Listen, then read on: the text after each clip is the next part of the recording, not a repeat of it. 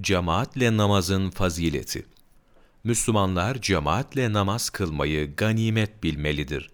Çünkü bunda tek başına kılmaktan kat kat çok sevap, Allahu Teala'nın rahmeti ve rızası vardır. Kendisi büyük ve cemaati çok olan mescidi seçmelidir. Bununla birlikte herkesin kendi mahalle mescidinde kılması eftaldir. Cemaatinin az veya çok olmasına bakılmaz. Çünkü mahalle mescidinin mahalleli üzerinde hakkı vardır.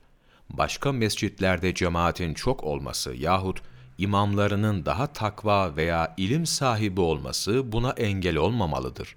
İmam-ı Azam Ebu Hanife rahmetullahi aleyh buyurdu ki, bir meşguliyet ile unutma, yanılma, uyku gibi bir sebeple cemaati kaçıran, evinde ailesiyle cemaat yapmalıdır. Cemaatle namaz kılmaya farz-ı kifaye ve farz-ı ayn diyenler de oldu. Hatta cemaatle namaz kılma imkanı var iken yalnız kılanın namazı caiz olmaz da denildi. Künye Ahbarda rivayet edildi ki, Allahu Teala bir cemaate rahmet indirdiği zaman önce imama, sonra birinci safta imamın arkasında durana, sonra sağındakilere, sonra solundakilere, sonra ikinci safa indirir.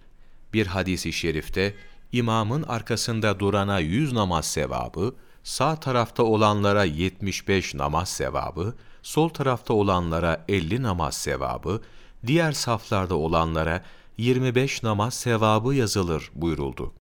Kadınlar cemaatle namaz kılmaya gitmemelidir. Kadınlar için en eftal mescit evleridir.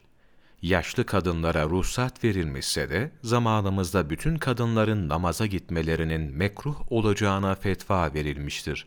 Kâfide kadınların her ne zaman olursa olsun mescide namaz kılmak için girmeleri mekruh olduğuna göre vaaz dinlemek için girmeleri elbette mekruh olur. Ebu Bekir bin Muhammed, Şiratül İslam, sayfa 113-115, 4 Nisan Mevlana takvimi